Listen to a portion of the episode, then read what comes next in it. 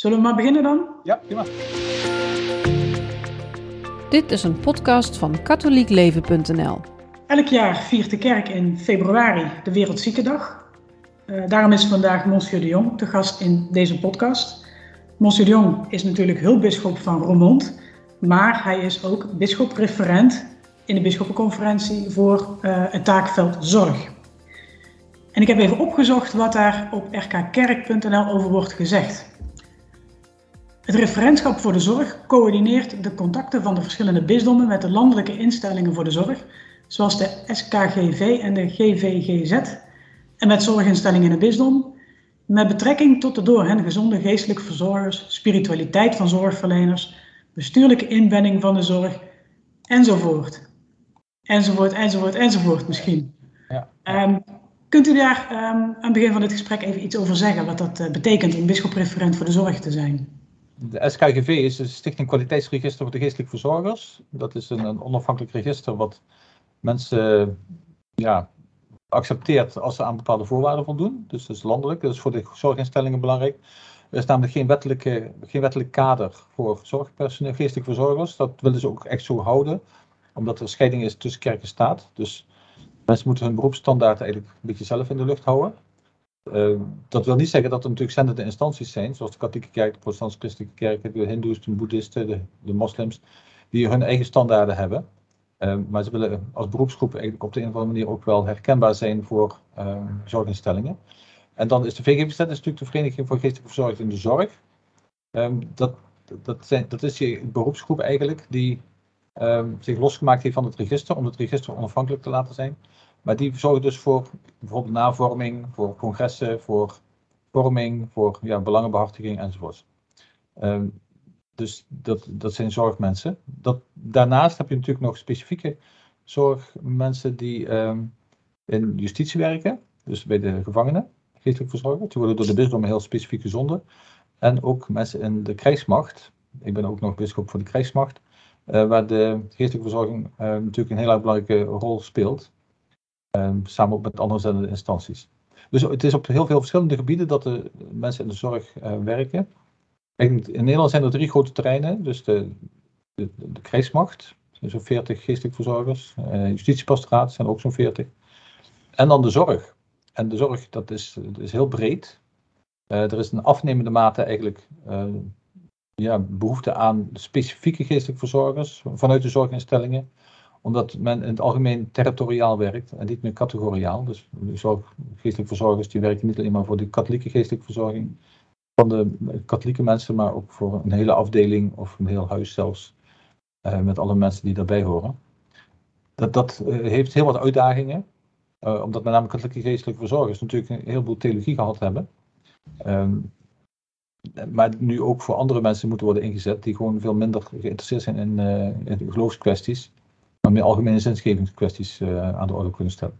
Dus het feit ook weer een eigen aanpak. Uh, en daar zijn landelijk natuurlijk allerlei uh, bewegingen. Um, en daar probeer ik een beetje feeling mee te houden. Maar het is um, ja, voor de krijgsmacht en de justitiepastoraat makkelijker dan in de zorg. Nu is ook toch de politie erbij gekomen. Die zijn ook op zoek naar een, goede vorm van geestelijke verzorging. Um, ik zal er binnenkort ook een gesprek mee hebben met mensen van de politie. Dus ik, het is wel een veld in beweging, laat ik maar zo zeggen. Maar de behoefte is ongekend hoog, moet ik zeggen. Dus er is grote behoefte aan uh, mensen die, die op zoek zijn naar zingeving, naar ja, uh, hoe, ga, hoe, hoe, ga ik om met de betekenis van mijn leven, ook als het niet meer zo goed gaat, als, als ik niet meer autonoom ben, als ik pijn heb, uh, als mijn familie niet meer zo goed gaat. Um, ja. De regering heeft overigens, voor alle mensen die buiten huis van zorginstellingen komen wonen, steeds meer, um, dus de extramurale zorg noemen ze dat, ook geld ter beschikking gesteld voor geestelijke verzorging in die, uh, of in die, in die thuissituatie. Dus het klinkt vrij snel al, al heel erg uh, organisatorisch. Hè? Dus het gaat ja. over zending ja. en inbedding en, ja. en toerusting. Um, maar dat heeft er allemaal mee te maken dat het een belangrijk onderwerp is waar, uh, waar je voldoende aandacht aan wil geven en op een goede manier aandacht aan wil geven. En waar u zegt ook echt veel behoefte aan is. Uh, ja. Maar dat wil niet zeggen dat iedereen ja, die ik meemaak in de zorg um, en in de geestelijke verzorging in het algemeen, um, eigenlijk voor stuk voor stuk allemaal gemotiveerde mensen zijn. Het zijn, allemaal mensen die met mensen begaan zijn en die, die echt, ja, wat de paus nu ook in dit document probeert te, duidelijk te maken, die barmachtigheid proberen uit te stralen. Heel veel mensen verwijzen naar Andries Baart bijvoorbeeld, dat is een pastoraal theoloog, die spreekt over de presentietheorie. Gewoon het aanwezig zijn bij mensen, zonder meteen iets op te leggen, maar gewoon, ja, gewoon in die situatie proberen te komen waarin mensen zich verkeren. En die, uh, ja, vanaf het punt waar zij dan staan, uh, proberen wat op te tillen. En dat is, dat is een heel mooi werk en ik merk dat heel veel mensen daar ja, heel diepe innerlijke vervulling ook aangeven vanuit die geestelijke verzorging zelf. En u noemt het, uh, u noemt het al kort, dus de, de, het thema van de boodschap van de paus voor Wereldziekendag 2022. Uh, ik heb hem hier voor me liggen. Uh, ja. Ik heb hem ook gelezen, hij is vier pagina's, dus dat was, dat was ja. goed te doen. Um, wees barmhartig zoals uw vader barmhartig is. Naast degene die leidt gaan staan op een weg van naaste liefde. Dat is het thema. En dan gaat het natuurlijk meteen um, over de boodschap van het evangelie. Ja. Kunt u aangeven, want u heeft de boodschap ook gelezen, ja, ja. Uh, wat, de, wat een aantal hoofdpunten uit deze boodschap van de paus. Wat is het wat paus Franciscus ons voor deze Wereldziekendag voorhoudt? Ja, misschien kan ik beginnen een klein beetje met de structuur. Ja, sorry dat het maar structuur is, maar dat geeft een beetje de richting aan van, van het document, wat ik op zich heel mooi vind en heel rijk. En heel veel facetten van de, van de geestelijke verzorging. Uh, en van de zieke, en vanaf het ziek zijn zou ik kunnen zeggen. Uh, dat is, hij begint met God de Vader, die, die barmachtig is. Uh, die dus er niet op uit is, want barmachtigheid komt natuurlijk van ja, een, warm hart hebben, zou je kunnen zeggen. Misericordia, hè, dus een, een, hart dat zich ontfermt over een ander. Um, dat heeft zowel iets te maken met vergeving, Hè, want spreken, ook als je barmachtig bent, dan vergeef je mensen hun schuld. Maar het heeft ook te maken met juist die, die aandacht voor de zieke, voor de lijdende, de, zwakke mens. De zeven werken van barmachtigheid hebben we natuurlijk. Uh, ook Matthäus 25 staan die genoemd. Hè, zieke bezoeken, uh, mensen in de gevangenis bezoeken, uh, dorstige laven, hongerige voeden enzovoort. Ehm, dus dat is meer de meer fysieke kant van het zorgen voor armen. Dus hij, hij zegt, de vader is. En die is dus niet op uit om te oordelen, zeg ik nou heel even in het kort, maar om mensen kracht te geven en hun kracht te zetten. Dan, Jezus is natuurlijk de afspiegeling van die vader. Die is mens geworden en die heeft juist bij de zieken, de lijdenden, uh, de zondaars, uh, de misdeelden, de mensen die uitgestoten zijn, willen staan om hen het gevoel te geven van jij bent even belangrijk als anderen en, en God houdt van je. dus, dus vanuit de vader gaan we naar de zoon. En dan krijg je meteen de mensen die eigenlijk in zekere zin namens Jezus zijn, zijn taak vervullen. Dat is mensen in de gezondheidssector. Ik denk dan aan artsen, verpleegkundigen, laboranten, verzorgenden, vrijwilligers, die dus namens Jezus die barmachtigheid mogen uitdrukken. dus vader, zoon, de verzorgende. Nou, die, die organiseren zich op een gegeven moment ook in huizen van verzorging, van barmachtigheid. Daar heeft de kerk natuurlijk altijd voor gezorgd. Dat was laatst eens in India en daar, ja, daar heeft de kerk nog alles wat wij in de 50 jaar hadden scholen, zorginstellingen, ziekenhuizen, verpleeghuizen, blindeninstituten, doveninstituten, verlammingen, uh, oude vandaag, mensen met geestelijke problemen. Nou ja, dat, die, die, die plaatsen zijn er dus om, uh, om zieken ja, de warmte van God te laten voelen. En tot slot um, ook de, ja, de mensen die de mensen kunnen gaan bezoeken, die, die niet zozeer vanuit een, soort professionele houding dat doen, maar meer vanuit een, uh, ja, het, het, het, nabij willen zijn aan mensen die gewoon uh, de pijn ervaren van, van de eenzaamheid, van de, van de ziekte, van de. Ja, alles wat, wat, met ziekte te maken heeft. Dus ik vind het heel mooi opgebouwd. Het begint bovenaan bij God. Um, je kunt natuurlijk zeggen, ja, hij had gewoon achteraan kunnen beginnen en, en bij de zieken beginnen. Maar ik denk dat vanaf het eerste moment eigenlijk de brief al heel erg empathisch is. Uh, dat God niet een verwege God is, maar een, een hele dichtbijstaande God die, die, voor iedereen nabij wil zijn. En dat moeten wij handen en voeten geven. Dat is de kern. Een beetje samengevat dan. Hè? We kunnen even verder gaan op de verschillende onderdelen, maar ik denk dat uh, de stroom van liefde die uit God voortkomt en tot aan het hart en het lichaam gaat, heel concreet van deze zieke mens. Uh, is dat natuurlijk wel heel, heel eigen. Hè? Hij spreekt ook van priesters die de geur van de schapen moeten hebben, bijvoorbeeld. Ze moeten zich niet terugtrekken in hun in een holletje of in hun, eh, achter hun veilige deken. Maar ze moeten met de mensen in de modder gaan staan om te kijken hoe, hoe, hoe mensen het maken. En, en dus ook laten merken van, we staan dicht bij je, zijn, zijn, we zijn niet ver van je verwijderd. Zo is God ook mens geworden. Hè? Dus die, tussen ons heeft hij willen staan om ons uh, zijn genade te geven. Dus de uitdagende brief, zeker voor alle mensen die in de gezondheidszorg werken, maar ook voor die mensen die nu niet geïnteresseerd zijn. En door deze brief wellicht tot op de gedachte kunnen komen van ja, en misschien moet ik daar toch eens wat meer aan doen.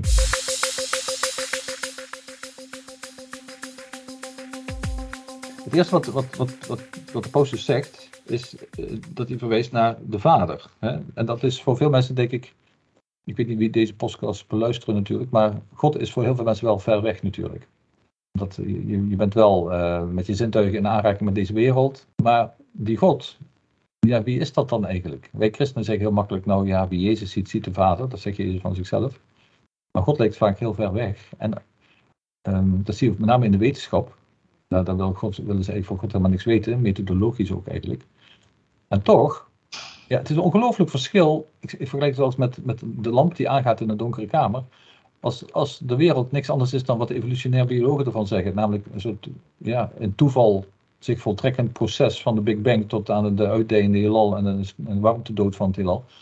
Ja, wat doen wij hier eigenlijk dan? Nou, als je, als je nou weet dat, dat er een God is die die hele wereld in zijn hand houdt, die die geschapen heeft en tot voltooiing wil brengen, dat hij de mens gewild heeft, uh, met liefde, dan is, geeft dat zo'n ander gevoel. Ik denk dat het heel mooi is om, om bij de ziekendag meteen naar God te kijken. Als, als iemand op wie we echt onze aandacht mogen stellen. Uh, ik heb wel eens gehoord van iemand in het, het leger, dat Eisenhower, ja, de grote opperbevelhebber van de geallieerde krachten in Europa, 44, 45, wat eens gezegd heeft, aan het front is niemand atheïst. Nou, en ik denk zieken, die staan in zekere zin aan het front van hun, van hun leven. Uh, die, hebben, die hebben een strijd te voeren met zichzelf, uh, met hun lichaam. Nou, ik denk dat het heel mooi is dat je dan eerst eens aan God kunt denken, die daar ook een rol in kan spelen. En die God, die vader, die heeft natuurlijk, dat is het tweede punt dan, zijn zoon gezonden. Um, die rondtrok door heel Galilea. Lees nu toch even voor een citaat van Matthäus, wat de post citeert. Jezus trok rond door geheel Galilea terwijl hij als leraar optrad in een synagoge, de blijde boodschap verkondigde van het koninkrijk en alle ziekten en kwalen onder het volk genas. En dan zegt Paulus, wij kunnen ons de vraag stellen waarom deze bijzondere aandacht van Jezus voor de zieken. En dan zegt hij, een denker van de 20e eeuw, dat is Levinas, Emmanuel Levinas, een beroemde filosoof, die zegt, pijn isoleert op een absolute manier en uit dit absoluut isolement ontstaat de oproep aan de ander, het aanroepen van de ander. Dat zie je heel mooi bij Bartimeus bijvoorbeeld, die, zit langs de kant van de weg, um, die is blind, en roept dan Jezus, Jezus, als hij hoort dat hij in de buurt is. En dan komt Jezus, staat stil terwijl iedereen door wil lopen, en hem geen aandacht wil schenken, schenkt Jezus hem wel aandacht, en dan zegt hij niet, oh ik zie het al, je bent blind, ik ga je wel even genezen, maar dan vraagt hij eerst eens, wat kan ik voor je doen? Wat wil je dat ik voor je doe? En dan vraagt hij natuurlijk, mag ik zien? Maar Jezus die gaat een dialoog aan met die zieke en die wil van zijn overvloed aan genade geven. En Jezus loopt dus niet aan onze ziekte voorbij, Jezus is, is echt naar ons op zoek om ons uh, zijn genezing, zijn genade, zijn liefde, zijn vergeving uh, te geven. Hij is dus ja, echt het beeld van de Vader. Maar door, dat is interessant, dat, de paus dus de insteek kiest van de eenzaamheid. Van, van het alleen zijn door de ziekte. Dat je, dat je niet meer zelfstandig naar anderen kunt komen of gaan. En dat je daardoor een, uh, in, in een isolement, isolement terechtkomt. En dat is blijkbaar voor de paus een heel belangrijk aspect van zieken. Hij zegt dan ook, hoe kunnen we in dit verband de vele zieken vergeten die in deze pandemie, in de eenzaamheid van de intensieve zorgen, het laatste deel van hun leven hebben doorgebracht uh, in eenzaamheid. Dus hij verwijst hier ook echt heel duidelijk naar, de, de COVID-pandemie en naar de coronaziekte, dat, dat, dat daardoor mensen, ook in verpleeghuizen met name natuurlijk, maar um, ook in andere plaatsen, uh, eigenlijk minder met anderen kunnen omgaan en, uh, die aandacht en die, die sociale dimensie van hun bestaan eigenlijk um, ja, veel minder kunnen beleven. Nou, deze barmachtigheid wil juist zeggen, hij wil ons nabij zijn en ons niet in onze eenzaamheid achterlaten of doen alsof we niet bestaan. Integendeel, gaat naar ons op zoek, juist in die teruggetrokkenheid. En dan krijg je het derde uh, aspect van de brief. Nou, hoe gaat Jezus nu, want hij leefde 2000 jaar geleden wel hier op aarde en is nu nog steeds aanwezig, ook onder sacramentele tekenen natuurlijk. Ehm, maar hoe, ga, hoe gaan wij nou Jezus tegenwoordigen? Wij zijn allemaal geroepen om Jezus op de een of andere manier present te stellen. Uh, en de paus die verwijst dus in het derde deel het leidende lichaam van Christus aanraken naar artsen, verpleegkundigen, laboranten, verzorgenden en vrijwilligers die hun kostbare tijd wijden aan mensen die lijden. En dan zegt hij heel concreet tegen al die mensen, dierbare zorgverleners, uw dienstverlening aan zieken met liefde en bekwaamheid verricht overstijgt de grenzen van het beroep, zodat ze een zending wordt. Uw handen, die het leidende lichaam van Christus aanraken, kunnen een teken zijn van de volmachtige handen van de Vader. Wees bewust van de grote waardigheid van uw beroep en van de verantwoordelijkheid die het met zich meebrengt.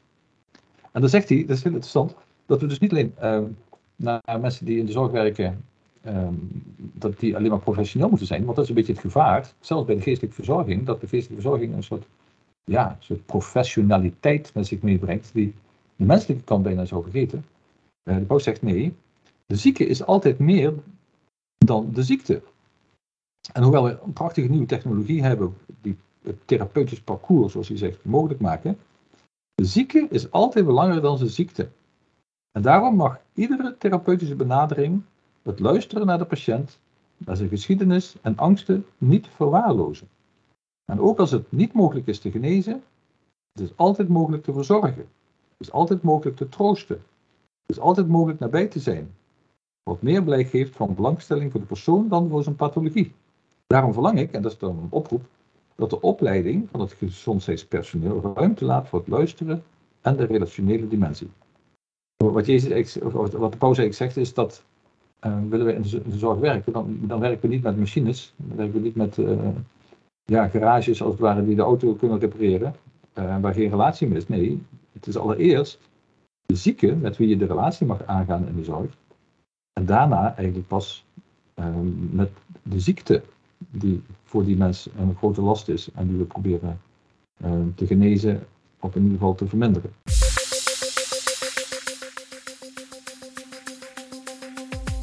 Hoe kan zo'n boodschap van de paus nou in de, in de drukte van alle dag, bij alle problemen die er spelen, uh, in organisaties en op het persoonlijk niveau en in de motivatie van mensen om hun werk te doen, hoe kan zo'n boodschap van de paus daar uh, ja, een goede bijdrage aan uh, ja. geven? Nou, ik, ik voel het eerlijk gezegd zelf, als ik het lees, als een gewetensonderzoek. Uh, zowel voor mij persoonlijk als, als, als pastoor en als, als bischop-referent voor, voor de zorg. Waar, waar zouden wij als katholieken, want dat is in eerste instantie is zo'n brief natuurlijk aan, aan de katholieken uh, geschreven, maar ook aan ieder mens van goede wil uiteraard. Maar als ik als zelf als katholiek kijk, denk ik nou, ga ik genoeg naar zieken toe. ik heb natuurlijk kapelaan, ik heb andere leken in de prochie die, die, die ook uh, zieken bezoeken en zo. Maar wanneer heb ik nou voor het laatst echt zieken bezocht, als zieke? Nou, ik moet eerlijk zeggen dat door de drukte dat niet zoveel van komt. Het is wel uh, zijn dingen die er eigenlijk makkelijk bij inschieten, omdat er gelukkig anderen zijn die het ook doen. Maar ik denk, Jezus die besteedde zoveel tijd aan die zieken, dat, dat ik denk, ja, maar hoeveel tijd besteed ik daar nou aan, concreet?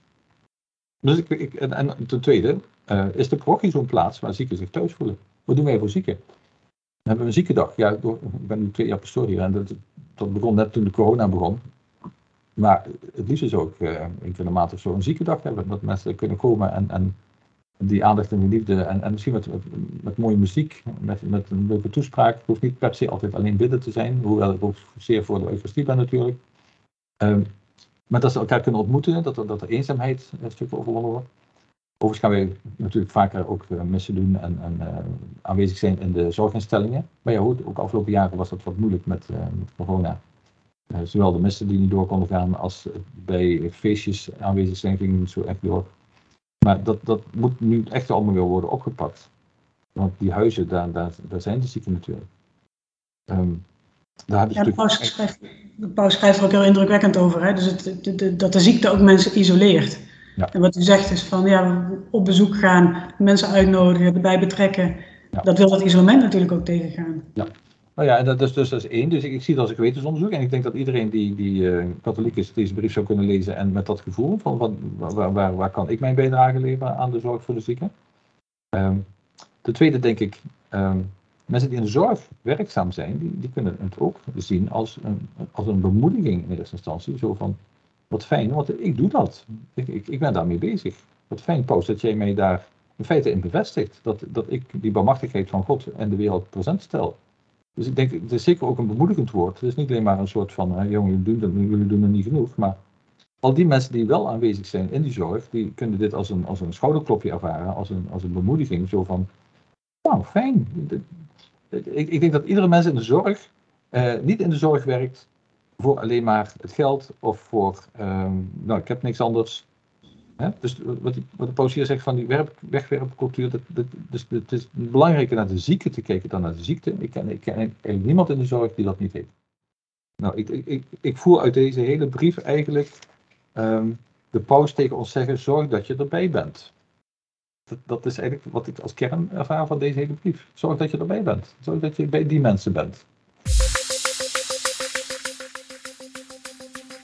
En wat heeft de boodschap te zeggen tegen de zieken zelf? Er zijn verschillende groepen langsgekomen, op, tot wie die is gericht. Maar wat, wat is de boodschap voor zieke mensen? Ja, dat vind ik een hele interessante vraag. Um, daar heeft hij het eigenlijk niet zoveel over. Als ik het zo mag samenvatten. Dus hij heeft het meer tegen de mensen in de zorg, rond de zorg. Um, en uh, ja, als je begint met de vader en met de zoon, dan, dan is het tegen de zieke gezegd, ja, ja, aarzel niet om naar de vader te gaan. Aarzel niet naar Jezus te gaan. Die zijn wel machtig. Dus, dus ga daar naartoe om je krachten. Jezus, de, de paus roept natuurlijk heel veel mensen op om namens de vader en de zoon te gaan. Maar um, impliciet zegt de paus eigenlijk tegen de zieke, ja, maar zij komen je Jezus brengen. Hij zegt natuurlijk aan het einde van, zorg dat je niet alleen maar met materiële middelen komt, kom ook met de sacramenten bijvoorbeeld. Hè? Geef ook spirituele aandacht. Dus ik denk dat zieken dus ook de, de opdracht krijgen om zich niet alleen met de ziekte te bezig te houden, met hun lichamelijkheid, maar met name ook met hun zielentoestand, met de manier waarop ze er naar kijken. Uh, in een relatie met God, die, die, die er voor hen wil zijn. Blijf niet staan bij de ziekte, blijf niet staan bij degene die op bezoek komt. Zoek in die mensen die op bezoek komen ook met name degene die hen gezonden heeft, uh, God zelf. Is het daarbij nog van betekenis dat de paus die is begonnen met deze Wereldziekendag, dat is niet paus Franciscus, maar dat is paus Johannes Paulus II geweest. En ik denk ook op het moment dat hij zelf ziek was. Mhm. Zeker. Ja, dus ik vind het een prachtig voorbeeld hoe Johannes Paulus II omging met zijn ziektes. Ook in het ziekenhuis en zo, toen hij neergeschoten was. Hè. Ali Afka, eh, maar ook met andere tumoren die hij na de rand gekregen heeft. Uh, maar name, name natuurlijk Parkinson enzovoorts. Hoe hij eh, ja, het ziek zijn zelf van binnenuit heeft ervaren. En ook uh, dat heel erg sterk verbonden heeft met Jezus. Als een gewetensonderzoek. Ja. Um, drie punten. Als er nou één ding is van deze boodschap waarvan u zegt van uh, dan moeten we echt mee aan de slag. Dus voor de luisteraars. Maakt niet uit wie. Dus is er iets wat we kunnen doen? Is er iets waar we het over moeten hebben? Is het iets waar we voor moeten bidden? Eén ding. Ja, het eerste wat bij mij opkomt is... is het eerste, het, is, het, het, eerste, het, eerste, het eerste wat bij me opkomt is, is toch gewoon God. Dus ik, ik, ik vind het mooi dat, dat, dat de poot met God begint. Als we nou gewoon samen zouden nadenken hoe barmachtig God is. Dus ik, ik zou iedereen willen aanraden, gewoon eens een, al is het maar een minuut per dag, stil te zitten, even de tv uit, de radio uit, de telefoon uit, uh, media uit, en dan gewoon na te denken, één minuut per dag, God, liefde voor mij. En ik ben ervan overtuigd dat als wij zelf ervaren hoe God van ons houdt, dan krijgen we de kracht en de liefde en de, en de empathie om dat ook bij anderen te doen. Het begint toch bovenaan. Het begint ook bij de, bij de relatie van onszelf met God. En van daaruit krijg je zoveel energie, zoveel kracht eh, en zoveel genade, maar, dat we in staat zijn om er ook voor de zieke te zijn. We moeten toch ergens een bron vinden die, die dat uh, ons kan geven. En dat is toch God zelf, Gods liefde. Laten we daar vaak aan denken. Dit was een podcast van katholiekleven.nl. Bedankt voor het luisteren.